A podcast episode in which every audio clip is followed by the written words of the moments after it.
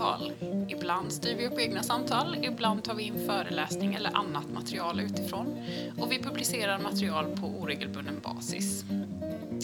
Om du vill bidra eller ge oss respons så hör gärna av dig till kontakt anarkism.info eller skriv till oss på Facebook. Nu börjar podden! Ja. Jag heter Jonas Lundström. Jag bor i Brickebacken i Örebro tillsammans med eh, en livskamrat och två tonårsbarn. Och eh, jag brukar säga att jag är frivilligarbetare, eh, aktivist och författare. Men andra kanske skulle säga att jag är arbetslös.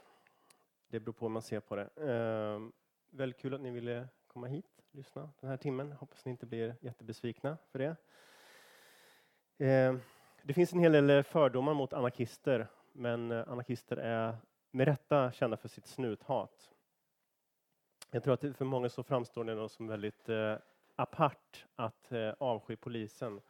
Eh, polisen är en av de svenska samhällsinstitutioner som har allra högst förtroende, betydligt högre än riksdagen och Svenska kyrkan. Eh, och eh, efter den här lastbilsattacken så eh, nådde poliskramandet nya absurda nivåer. Eh, och sossarna passade på att överträffa borgarna genom att efterfråga 10 000 nya poliser. Så att svenskar älskar deckare med sin eh, ganska barnsliga och svartvita så här tjuv och polisvärldsbild är kanske inte så konstigt. Eh, så här finns ett slags gap mellan anarkister och svennar. Och om inte anarkismen vill vara bara en obegriplig sekt eller subkultur så är det inte fel att försöka förklara lite grann kanske ibland. Om eh, man har en arbetskamraten eh, Anna som är orolig över brottsligheten eller eh, farfar Fredrik som funderar på vad man håller på med så eh, är det inte fel att kunna förklara lite grann eh, bakgrunden till varför en inte gillar polisen. I, I slutet av min bok som heter eh, Batongerna slår neråt, en berättelse om brottsbekämpning så finns eh, orden No justice, no peace, fuck the police som ni kanske har ropat någon gång. Och min dröm med att skriva den här boken det är att en hyfsat kritisk person som inte är anarkist ändå på slutet ska känna att jo, men det är en hyfsat rimlig attityd ändå.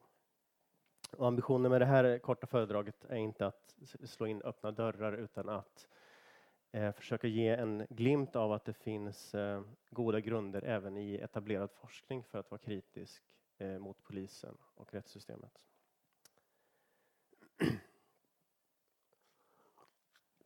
I april eh, 2012 så deltog jag tillsammans med ett, andra, ett gäng andra personer i en eh, blockad mot en deportation av asylsökande till Irak från förvaret i Flen. För mig så slutade den här kvällen med att jag eh, åkte ambulans till akuten efter att jag blivit ganska allvarligt eh, biten av en polishund.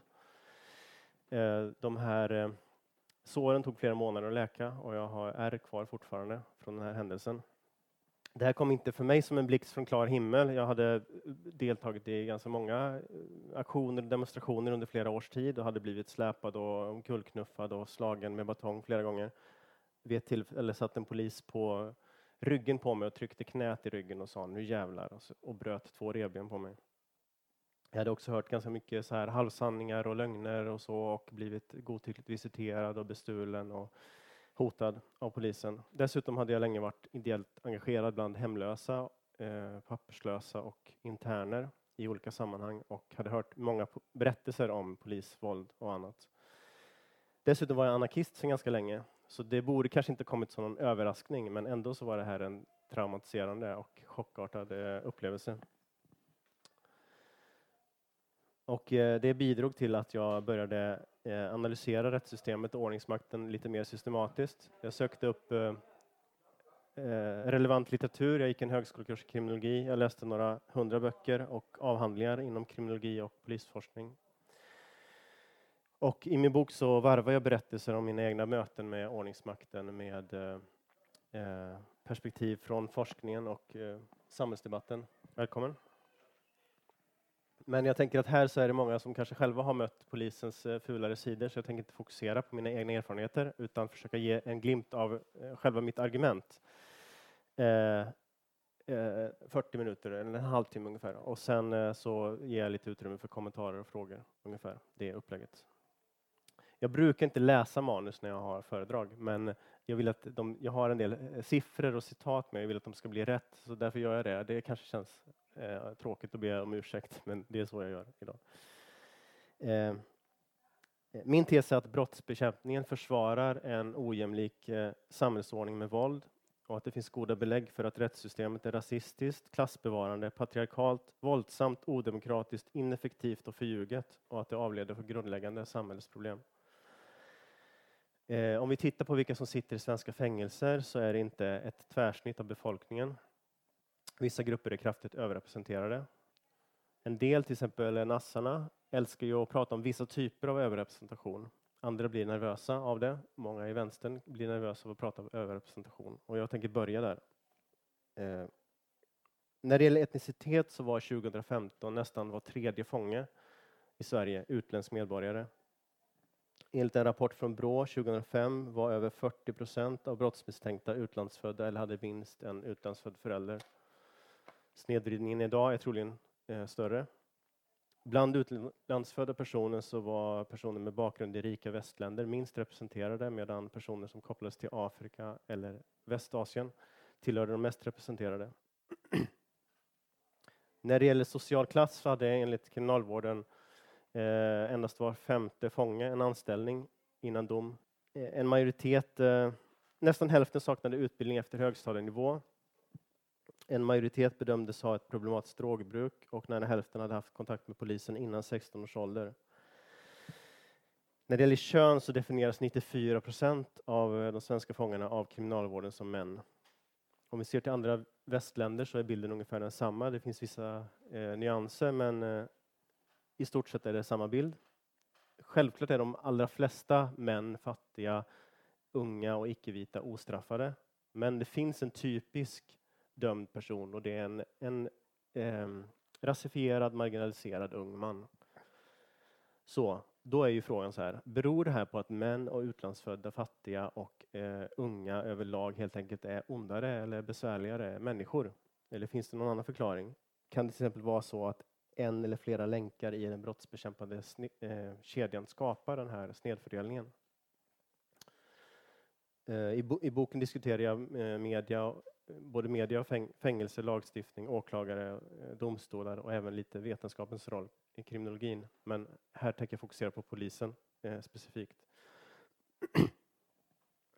Efter den här lastbilsattacken i april så spreds en, en text i Facebookgruppen eh, Stopp, Stoppa utvisningarna av afghanska ungdomar. Kanske någon är med i den.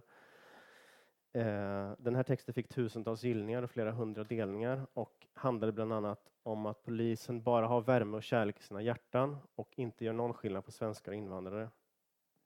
Jag antar att den här texten fick en sån spridning för att många vill tro så, men kanske egentligen tvivlar, speciellt i en sån där grupp. Inom polisforskningen däremot så är rasismen inom polisen väl belagd. Flera svenska avhandlingar har visat att grova rasistiska epitet eh, används regelmässigt på flera nivåer. Det är vanligt med negativa fördomar mot etniska minoriteter och vissa folkgrupper betraktas rakt av som kriminella. Att ha siktet inställt på invandrarkillar ses som naturligt. Nu finns det tyvärr i Sverige jämfört med till exempel England och USA ganska begränsat med forskning om hur det här slår igenom i praktiken när det gäller polisen.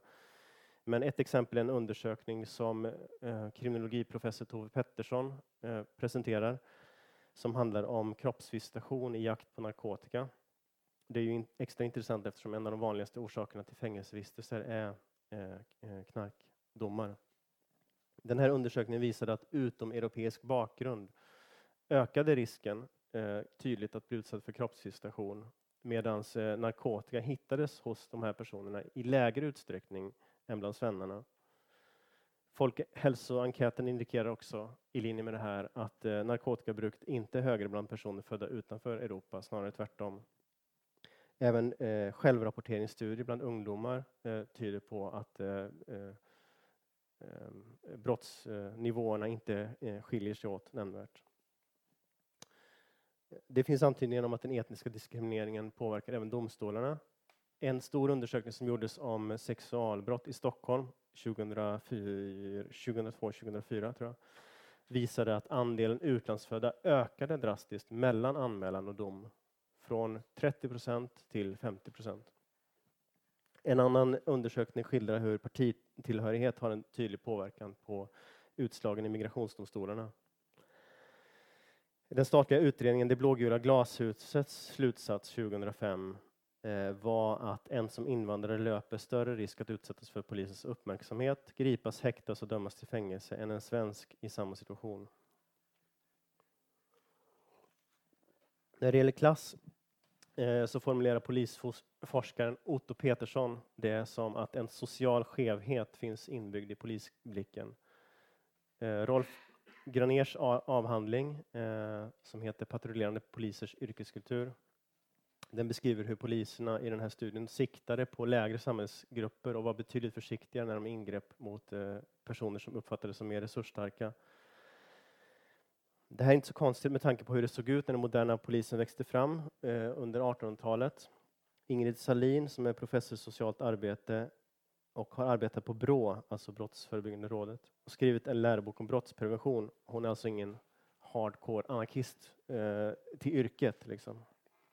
Hon säger så här om utvecklingen i slutet av 1800-talet.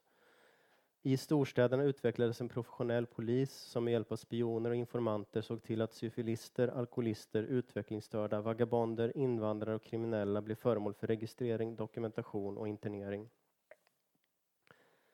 Kriminalitetsforskaren Glenn Svedin skriver i sin avhandling Under andra halvseklet av 1800-talet framstod staten successivt för allt fler som den enda möjliga aktören att lösa kriminalitetsproblemet. Detta hänger också samman med att perspektivet på brottslighet som en enskild moralfråga ändrades till att alltmer diskuteras i termer av en kollektiv social arbetarfråga som hotade allmänintresset. Föreställningen om farliga arbetare spreds och man var rädd för att smittan skulle spridas till bättre befolkningslager och till bättre delar av staden eller landsbygden. En intern glimt från den här tiden finns i polismästaren Anders Oskar Elliots biografi från 1930 den här Elliot, han blickar tillbaka på tiden i slutet av 1800-talet eh, och säger mellan polisen och den lägre befolkningen rådde ett ständigt krigstillstånd. Men inte heller hos övriga samhällsmedlemmar var polisen i allmänhet väl anskriven. Det är intressant att notera, det här har alltså förändrats drastiskt i så fall, om han har rätt. Att den lägre befolkningen icke var några polisvänner var helt naturligt. Den var ett oroselement mot vilket polisen ständigt måste stå väpnad och som ej respekterar något annat än den överlägsna styrkan. Också måste vid rekrytering av polispersonalen särskild hänsyn tagas till behovet att erhålla starka och kraftiga karar. Och nu kan jag erkänna att polisens starkaste medel att sätta sig i respekt hos bråkmakarna den här tiden var smörj, i den egentliga staden innanför vallgraven kunde detta dock ej komma i fråga. Där rådde civiliserade förhållanden. Men i förstäderna, i synnerhet i Masthugget och Majorna, var det en lång tid enda sättet att upprätthålla ordning. Eh, Elliot var politiskt liberal eh, och eh, filantrop och eh, var, var därför ganska kritisk till det här. Men han säger ändå han, han tänker också att mycket har förbättrats när han skriver sin biografi 1930, men han säger ändå jag kan icke helt och hållet undertrycka den uppfattningen att det finnes, eller åtminstone funnits, naturer på vilka ej annat än smörj hjälper. De är som okynniga hundar. Bliver de icke straffade omedelbart efter de gjort något ont har de glömt sin förbrytelse och veta icke varför de får sitt straff. Eh, oavsett politiskt styre så har den här klassstrukturen i kriminaliseringen bestått. Och den präglar även lagstiftningen som i hög utsträckning skyddar de rikas egendom Grov stöld eller grovt häleri ger till exempel i allmänhet betydligt högre straff än misshandel och olaga hot. Den norska polisforskaren Liv Finstad har utvecklat analysbegreppet polisblicken. Poliser ser inte världen som alla andra. Det finns ett distinkt polisperspektiv. Vissa saker syns på ett visst sätt, andra inte. I den polisiära världsbilden så delas människor in i tydliga kategorier. De är poliser, busar eller svennar. Det finns till och med en avhandling av en polis som heter så som har poliser, busar eller svennar i titeln. Polisens kultur och träning skapar en misstänksam blick som söker det avvikande och jobbar mycket utifrån fördomar och yttre attribut. Polisblicken färgas bland annat av att polisen är en väldigt patriarkal organisation. I mitten av 90-talet var 86 procent av de polisanställda män fortfarande. Idag är det lite mindre, två tredjedelar, men på chefsnivå är tre av fyra män, vilket gör det till en av de mest eh, patriarkala organisationerna i samhället. Den traditionella normativa mansrollens sätt att se på världen är ju präglat av eh, makt, eh, våld och vapen i hög utsträckning. Det här gör också att polisblicken söker sig mycket till eh, just eh, utåtagerande, öppet normbrytande eh, eller marginaliserade unga män.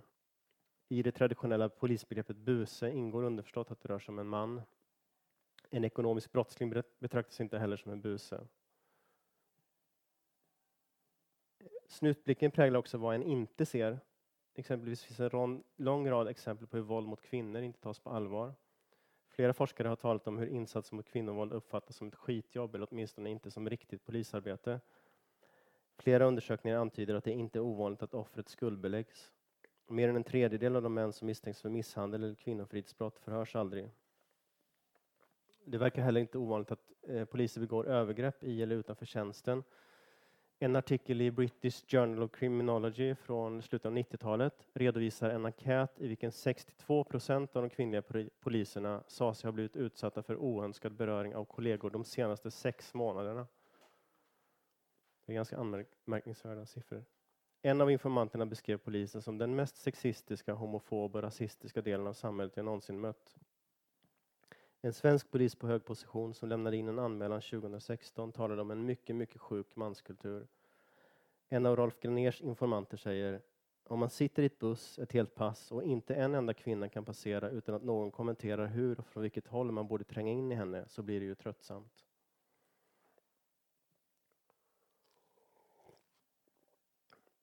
Mot den här bakgrunden så menar jag att rättssystemet är rasistiskt, klassbevarande och sexistiskt. Det finns heller ingen jämlikhet i hur eh, batongslagna riktas. Batongerna slår neråt. Från den här riktningen neråt så tänkte jag eh, fokusera lite på redskapen som används, batongerna och nycklarna.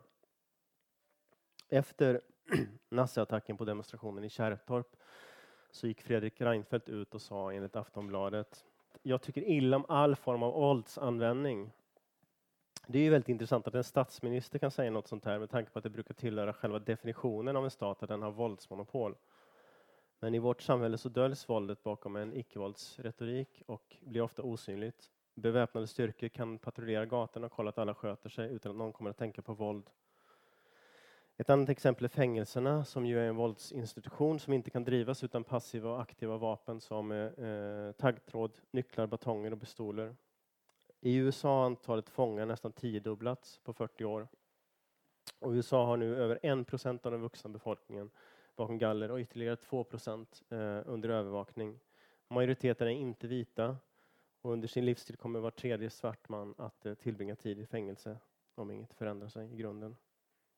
I Sverige är situationen bättre, men på många sätt fortfarande fruktansvärd. Sverige har till exempel upprepade gånger kritiserats av FNs tortyrkommitté för eh, de långa häktestiderna som sticker ut internationellt. Ofta med isolering. 2005 redovisade kriminalvården 6 000 fall av isolering. Årligen förekommer hundratals självmord, självmordsförsök. Det finns också andra former av frihetsberövande. 2014 redovisade Migrationsverket 3 201 förvarstagna personer 1100 beslut om tvångsvård genomfördes enligt eh, lagen om vård av missbrukare. Drygt 10 000 personer omhändertogs enligt lagen om psykiatrisk tvångsvård och närmare 4 000 fastspänningar rapporterades. Nästan 30 000 barn och unga omhändertogs enligt SOL eller LVU. Enligt polisens egna uppgifter greps 30 000 personer och 84 000 omhändertogs. omhändertogs. Men våldet är också mer direkt och påtagligt. Eh, Rolf Graner har beskrivit att uppdrag som inkluderar våldsanvändning är högstatusjobb inom polisen. Det är riktigt polisarbete. Poliser i tjänst beskrivs av Graner som lättkränkta personer med en stark eh, hederskultur som inte sällan använder våld i uppfostringssyfte.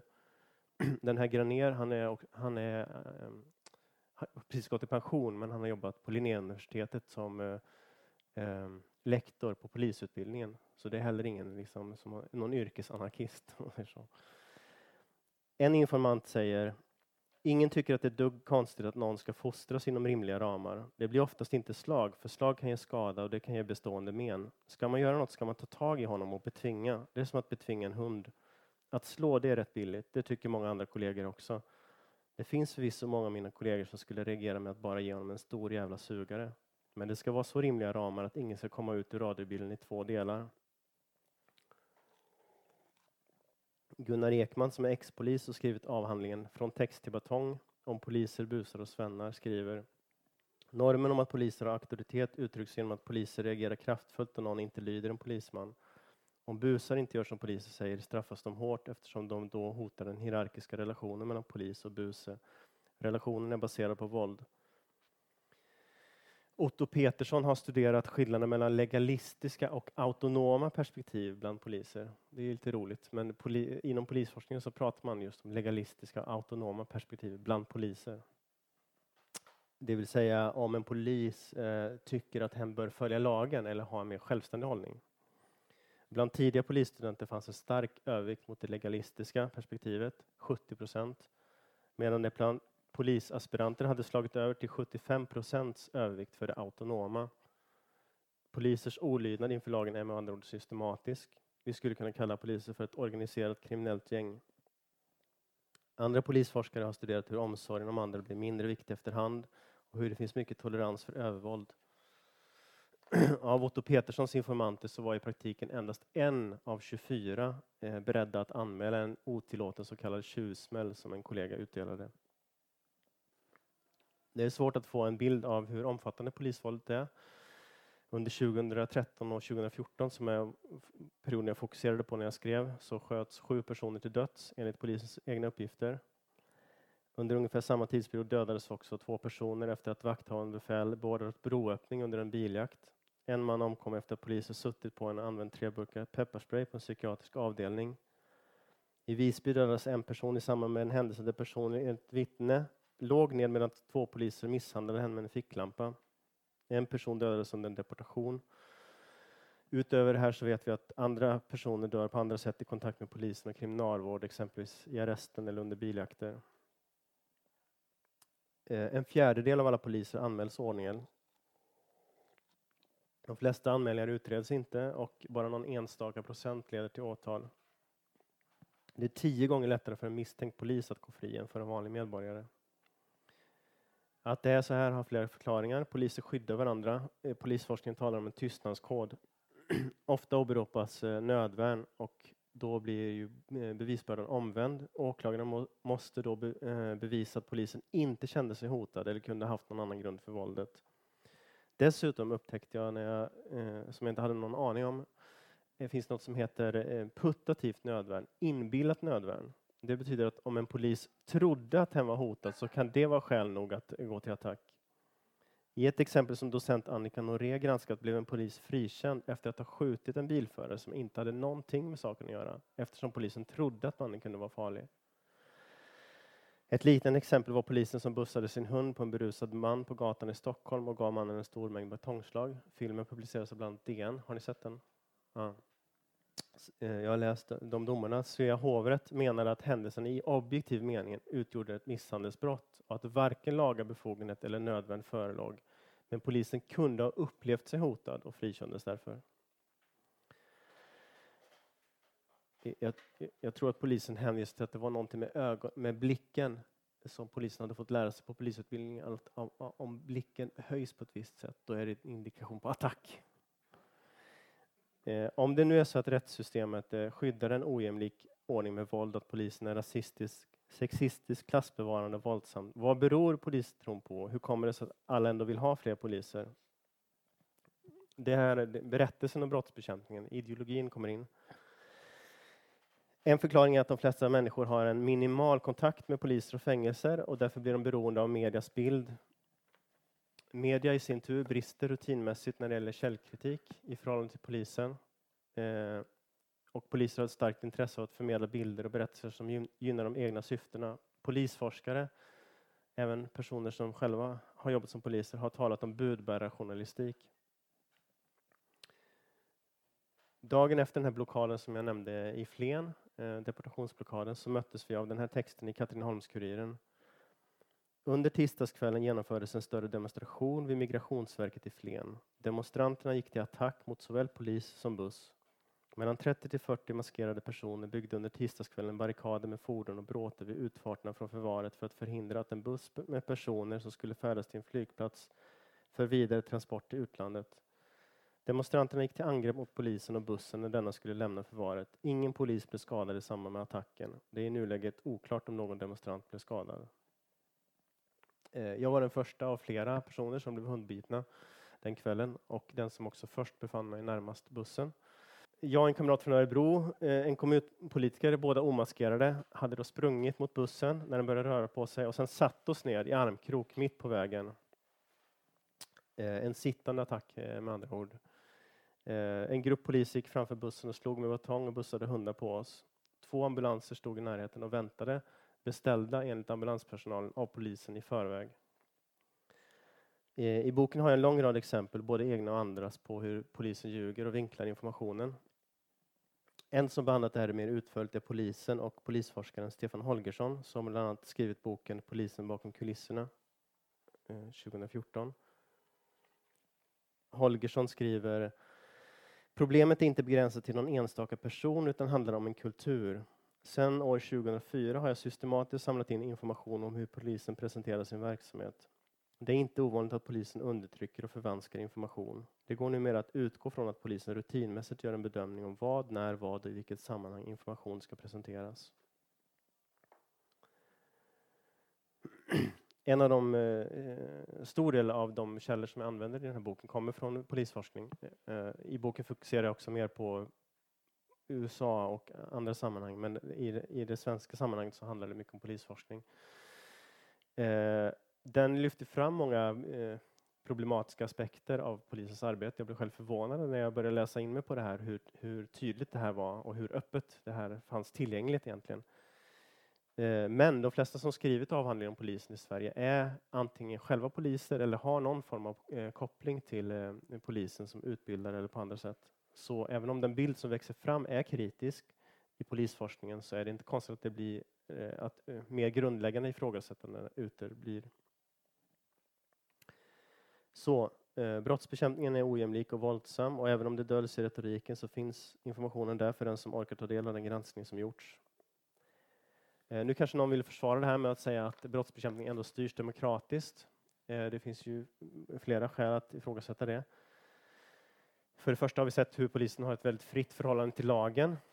Det gör att polisen inte bara implementerar det som lagstiftarna beslutat utan i hög grad det som ligger i deras eget intresse. För det andra är ju inte lagstiftarna något eh, genomsnitt av befolkningen utan representerar skikt av samhället som redan är rika och mäktiga. För det tredje har stora delar av det som idag beskrivs som Sverige lagts under rättssystemet genom en kolonial process. Eh, något som inte förstås inte minst drabbat eh, Eh, minoriteter och ursprungsbefolkningen. För det fjärde har allmänheten en bristande och snedvriden insyn när det gäller polisarbete, domstolar och fängelser Polisens värdegrund är väldigt floskelbetonad och eh, går knappt att skilja från någon välgörenhetsorganisation och har fått omfattande kritik även inifrån.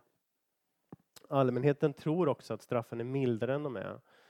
De vill eh, enligt flera undersökningar ha högre straff, men det beror på att de inte vet hur domstolarna dömer. Så att när de ställs inför konkreta frågealternativ, hur de själva skulle döma i olika fall, så väljer de väldigt ofta lägre straffsatser. I något fall eh, när det gäller narkotikadom dom, eh, så ville eh, 50 procent eh, eh, inte döma till fängelse. Medan när domstolarna, eh, domarna fick, eh, fick, bestämma om samma sak eh, så gav de fem års fängelse för samma dom. Så. Men ändå vill folk ha hårdare straff därför att de vet inte hur det ser ut. Ehm, för det femte så saknar ju de personer som främst drabbas av rättssystemet delvis eller helt inflytande på det demokratiska systemet. Papperslösa, hemlösa, fångar, ungdomar, djuren, miljön. Det är med andra ord inte befolkningen som styr rättssystemet, det lever i hög utsträckning sitt eget liv. Eh, andra kanske menar att brottsbekämpning trots allt fungerar och att det åtminstone är till någon hjälp. Men det kan också ifrågasättas. Över hälften av alla anmälda brott direktavskrivs och eh, bara 13 procent kan knytas till en person. Det har inte blivit bättre av omorganisation och fler poliser.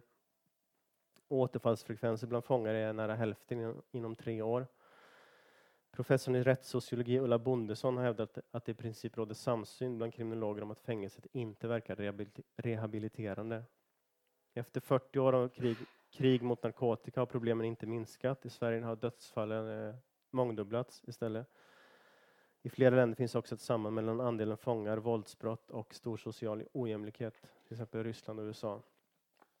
De sju OECD-länder med högst antal fångar ligger alla under medel när det gäller resurser till social välfärd.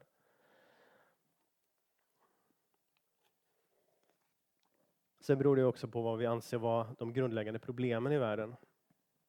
I Sverige så är det varje år ungefär ett hundratal personer som dödas av andra människor. Det har legat där ungefär sedan 70-talet samtidigt som befolkningen har ökat så att i praktiken har det minskat. Det är ju förstås allvarligt men det finns ju andra bekymmer. Flera hundra personer dödas i trafiken varje år. Över tusen personer dör årligen för att de medvetet eh, orsakat sig själva skador. 5000 personer beräknas ha dött i sin flykt över Medelhavet förra året. Eh, lika många dör i Sverige på grund av luftföroreningar och lika många på grund av rökning ungefär, enligt officiell statistik. Ser vi lite längre så växer oron, eller borde växa i varje fall. Miljarder djur plågas och dödas varje år helt i onödan. En miljard människor hungrar eller svälter. Den rikaste procenten i världen äger mer än resten tillsammans. Massförstörelsevapen riskerar vår gemensamma framtid. Det industriella samhället bygger på fossila bränslen som är på väg att ta slut och vi står mitt i omfattande klimatförändringar. De jordar som vi alla är beroende av slits ut och eroderar. Samtidigt subventioneras fossila bränslen med fantasibelopp. Enligt IMF spenderar stater mer pengar på produktion av olja, kol och gas än på sjukvård. Skövling av miljö och ekosystem slår ut tusentals arter och på inte speciellt lång sikt är människans framtid som art eh, allvarligt hotad. Bakom alla de här dödstalen så står ju personer med inflytande. Många tjänar pengar på den verksamhet som vi vet leder till de här skadorna. Men nästan ingen av dem döms för brott. Tvärtom skyddas de av lagen. Här fungerar, tänker jag, brottsbekämpningen som avledning. Den riktar människors uppmärksamhet mot brottslighet och knyter den här till individer som avviker från samhällets normer och skymmer på så sätt de grundläggande problemen.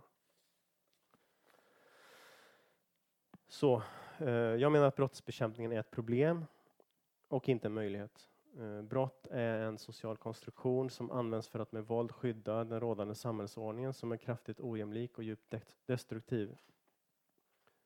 Så hur kan vi i så fall bekämpa brottsbekämpningen? Flera alternativ är tänkbara och har förts fram. Om de är genomförbara kan ju diskuteras. Det skulle gå att tänka sig en kriminaliseringsväxling där både lagen och ordningsmakten organiserades på ett sätt som gjorde att det framförallt är privilegierade personer som kriminaliseras. Om det händer, då lovar jag att omvärdera hela mitt argument. Men vi får vänta till det då i så fall. Ett annat alternativ är att gå i direkt motsatt riktning jämfört med nu. Att minimera rättssystemet, öppnare fängelser, mjukare straff, färre poliser. Ett tredje alternativ är att helt enkelt avskaffa polis, fängelser och domstolar. Personligen, som det du för, just. Personligen skulle jag också rösta för det, eh, faktiskt. Men eh, trenden i samhället går ju snarare i, i mer auktoritär riktning och eh, kanske är det inte troligt att rättssystemet kommer att eh, avskaffas så länge vi har stater kvar. Men det finns eh, sakliga grunder för att misstro lagen, rättssystemet och ordningsmakten och ingen borde, tycker jag, vara inställd på lydnad. I dokumentären om Kevin-fallet, som eh, ni kanske har sett, en del av er, eh, annars rekommenderas den varmt. Långsam, men väldigt bra. Där pratar de här föräldrarna till de pojkar som till sist pekades ut som mördare felaktigt om hur de litade på, på polisen och därför överlämnade sina barn i polisens händer med förödande konsekvenser. Hade systemkritiska perspektiv på polisen varit vanligare så hade de kanske fattat en del andra beslut, tror jag. Ofta behöver vi såklart hålla oss inom lagens ramar, antingen för att det är det bästa eller av självbevarelsedrift. Men vi behöver också vara kritiska och tänka själva och tillsammans. Framförallt så behöver vi fortsätta göra motstånd mot förtryck, patriarkat, kapitalism, fascism och miljöförstöring oavsett vad rättssystemet tycker mot det, om det och mot polisen. Eh, vill någon ha nu lite fördjupning och referenser och sånt så, så det enklaste såklart är ju eh, eh, att eh, ta med sig boken.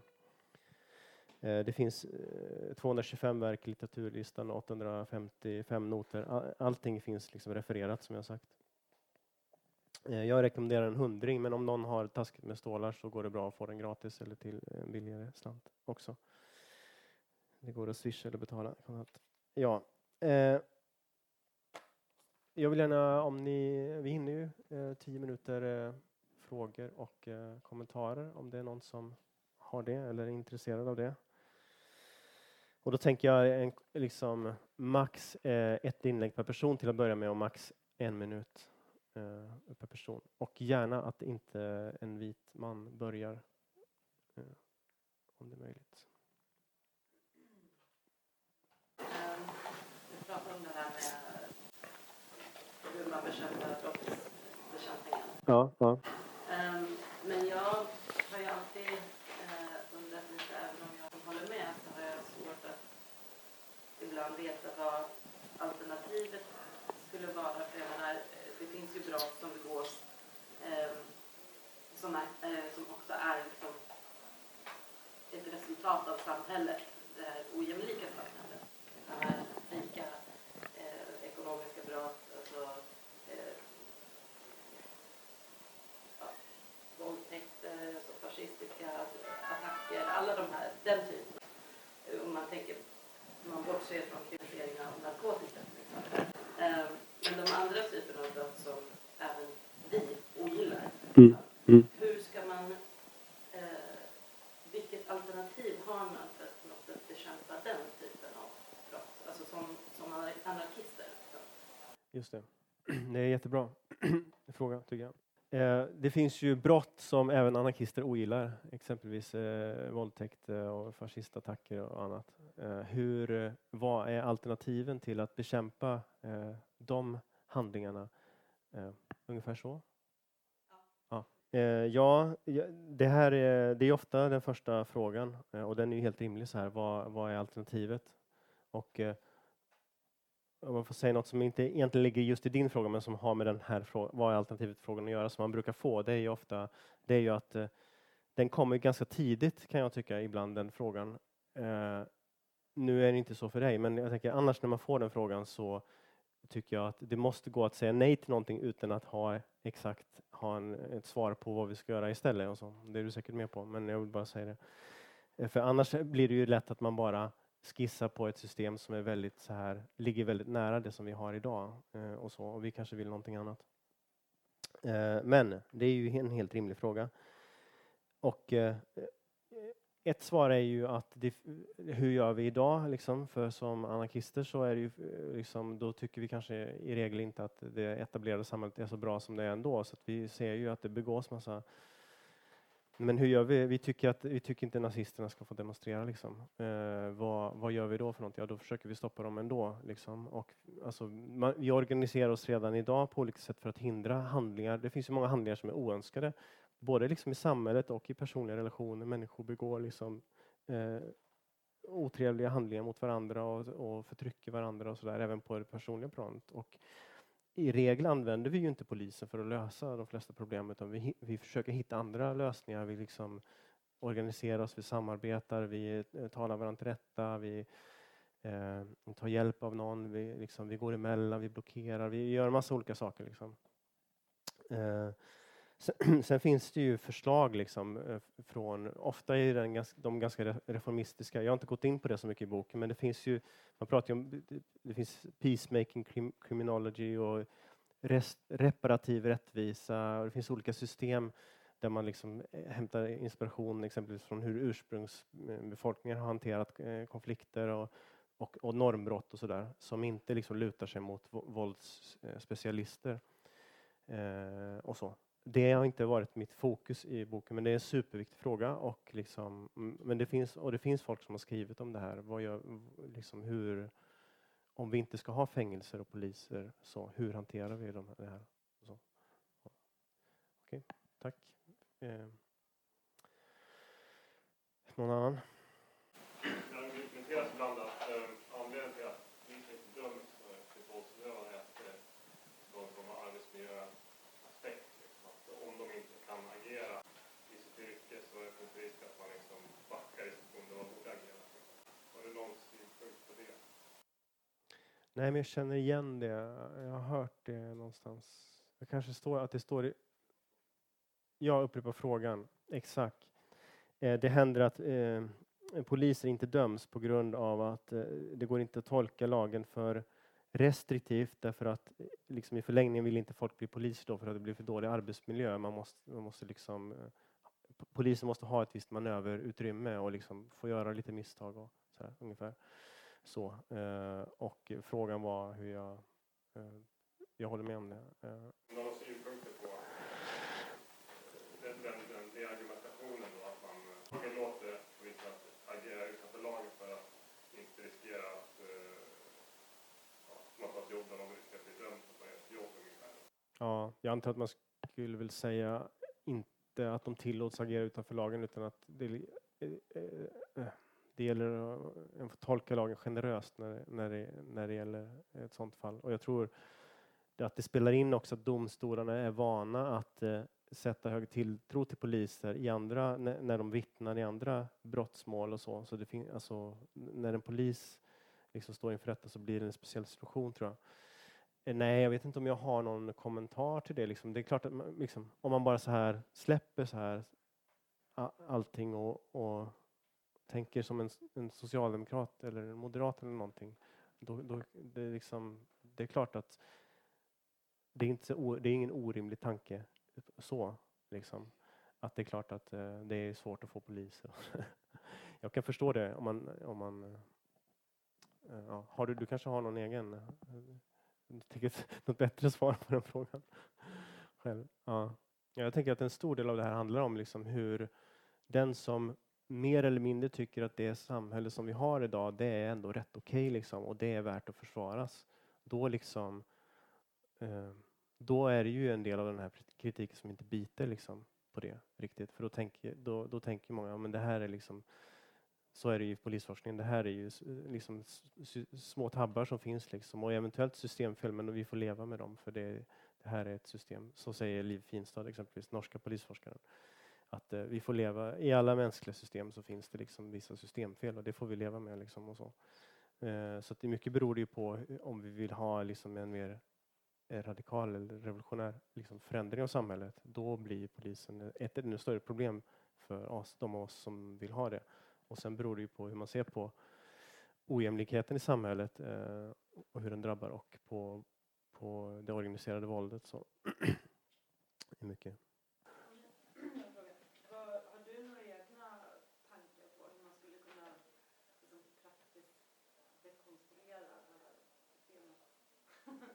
det är mycket.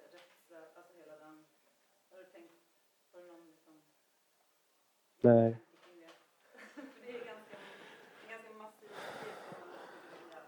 Ja, nej men jag, en sak som jag tänker på, det, om man jämför med situationen i USA, det var ju någon, ehm, på Tensta konstnärsstad så var det ju en utställning och sen så var det en, jag vet inte om någon var där, det var en kväll som handlade ganska mycket om polisen och, och så här. Och, och eh, Irene Molina, eh, har hon varit med i den här eh, antologin Husby, antologin också? Nej.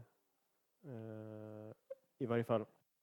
Då var det någon från, från någon, någon eh, organisation i LA som jobbade mot polisvåldet och som, som pratade så här helt öppet om att avskaffa polisen och så här. Och liksom, det var typ några hundra personer där och så. Och det är liksom det jag aldrig hört i något annat sammanhang, möjligen än i anarkistsammanhang och knappt där liksom i Sverige. Eh, och så. så en sak som jag tänker vi skulle kunna göra, och kanske det är, kanske det är nästan i Sverige, är vi som måste göra det som anarkister, alltså att kritisera polisen som institution. Alltså varför har vi aldrig liksom Ska jag prata om det här så här öppet? Varför har vi aldrig demonstrationer mot polisen specifikt? Liksom? Det är, alltid för, för det, blir, det är ju alltid andra frågor hela tiden och då får, då får vi aldrig fokusera på polisen. Liksom. Men, men liksom, eh, kan vi bidra till att liksom, polisen kommer upp som en fråga som inte... Eh, det är något, det, det är något jag funderar över. Om det, i vilken, det har att göra med att samhället i USA och Sverige ser väldigt annorlunda ut. Men, men liksom. Det är komplext, liksom, för det har ju med media och liksom hela berättelsen om det. Det är väldigt svårt att illustrera det, men jag bara tänkte om det hade... Ja, inte vet jag. Nej, men uppenbarligen, jag menar eftersom i polisforskning så finns det ju Eh, jag blev väldigt förvånad när jag läste in mig på det här området och upptäckte att det fanns så mycket, alltså exempelvis med rasismen inom polisen, att det var så på bordet liksom, att det är så här. Eh, men ändå, det är ju en, och liksom, det har ju ingen återbäring på hur media rapporterar och så alls.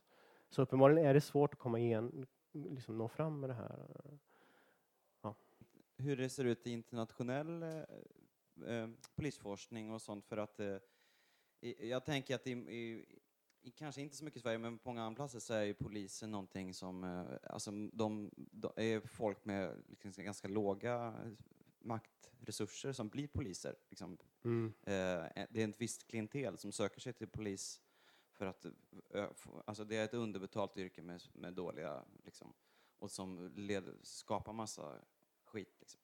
Eh, och i Sverige undrar man kanske samma sak. Vilka är det som söker sig till, vilka är det som blir, som går in i det här liksom och hur, men på samma sätt som man diskuterar som en växande fascistisk rörelse, då har liksom vänstern misslyckats. Man borde kunna prata på samma sätt om att varför blir folk poliser, eller?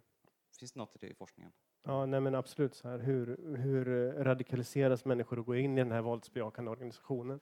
Egentligen, hur kan det gå så snett? Jag jo, det finns en del av det, och, eh, faktiskt. Och eh, eh, en föreställning som har funnits är ju just, även i Sverige då, att det skulle vara personer eh, som kommer från lägre arbetarklass och så, men det, det ser ut som, nu kommer jag inte ihåg eh, var jag har läst det, men jag har för mig att det är så att i Sverige så är polisen, är det inte riktigt så, utan det, det är lite mer medelklass liksom.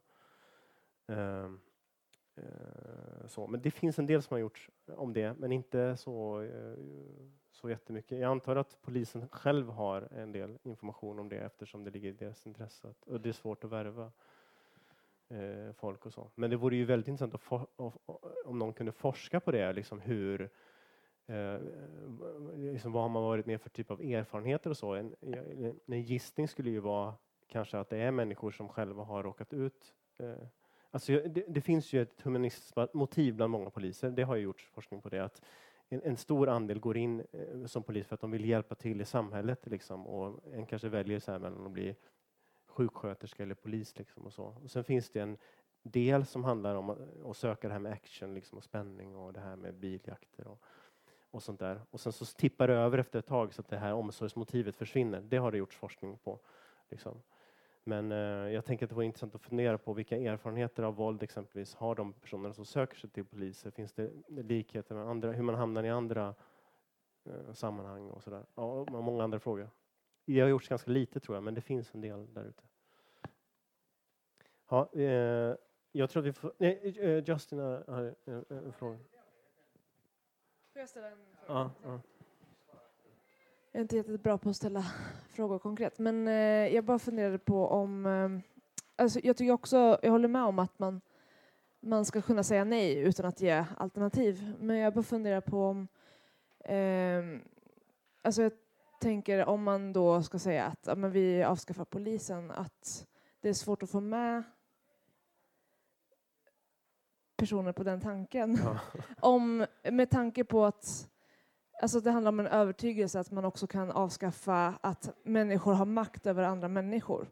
Alltså bara för att polisen försvinner så försvinner kanske inte automatiskt bara att vissa människor har makt över andra Nej, människor. Just det, just det. Och att prata om eh, eller jag vet inte, om, om du kan resonera någonting om det. För att, ja, ja, precis. Eh, varför är det relevant att avskaffa polisen om det inte förändrar eh, ja. Nej, precis. Och det är ju liksom, finns ju många failed states liksom, där det finns olika väpnade gerillagrupper som kämpar om våldsmonopolet istället. Liksom, och det kanske inte är mycket bättre. Liksom, det kanske inte är det vi vill ha liksom, i Sverige heller. Alltså, vad, eh, eh, så. Det, det jag tänker, liksom, möjligen går att få med sig, det skulle ju möjligen gå att få med sig, om, om människor ser att det finns problem med det här, då kanske det går att liksom krympa tilltron till det och att vi liksom, eh, som din, att, din första fråga, att vi för liksom eh, mycket av till exempel våld mot kvinnor och så, det, det, det, det pågår ju ändå fast vi har poliser liksom och så.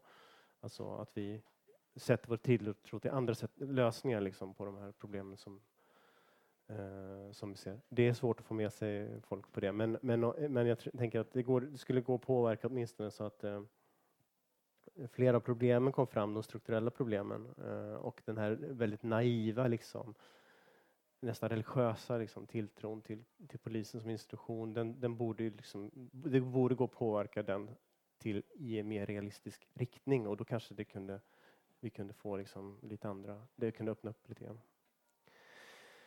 Ja, eh, men eh, boken finns och prata med mig om ni har fler frågor eller har fler eh, tips eller så. Tack.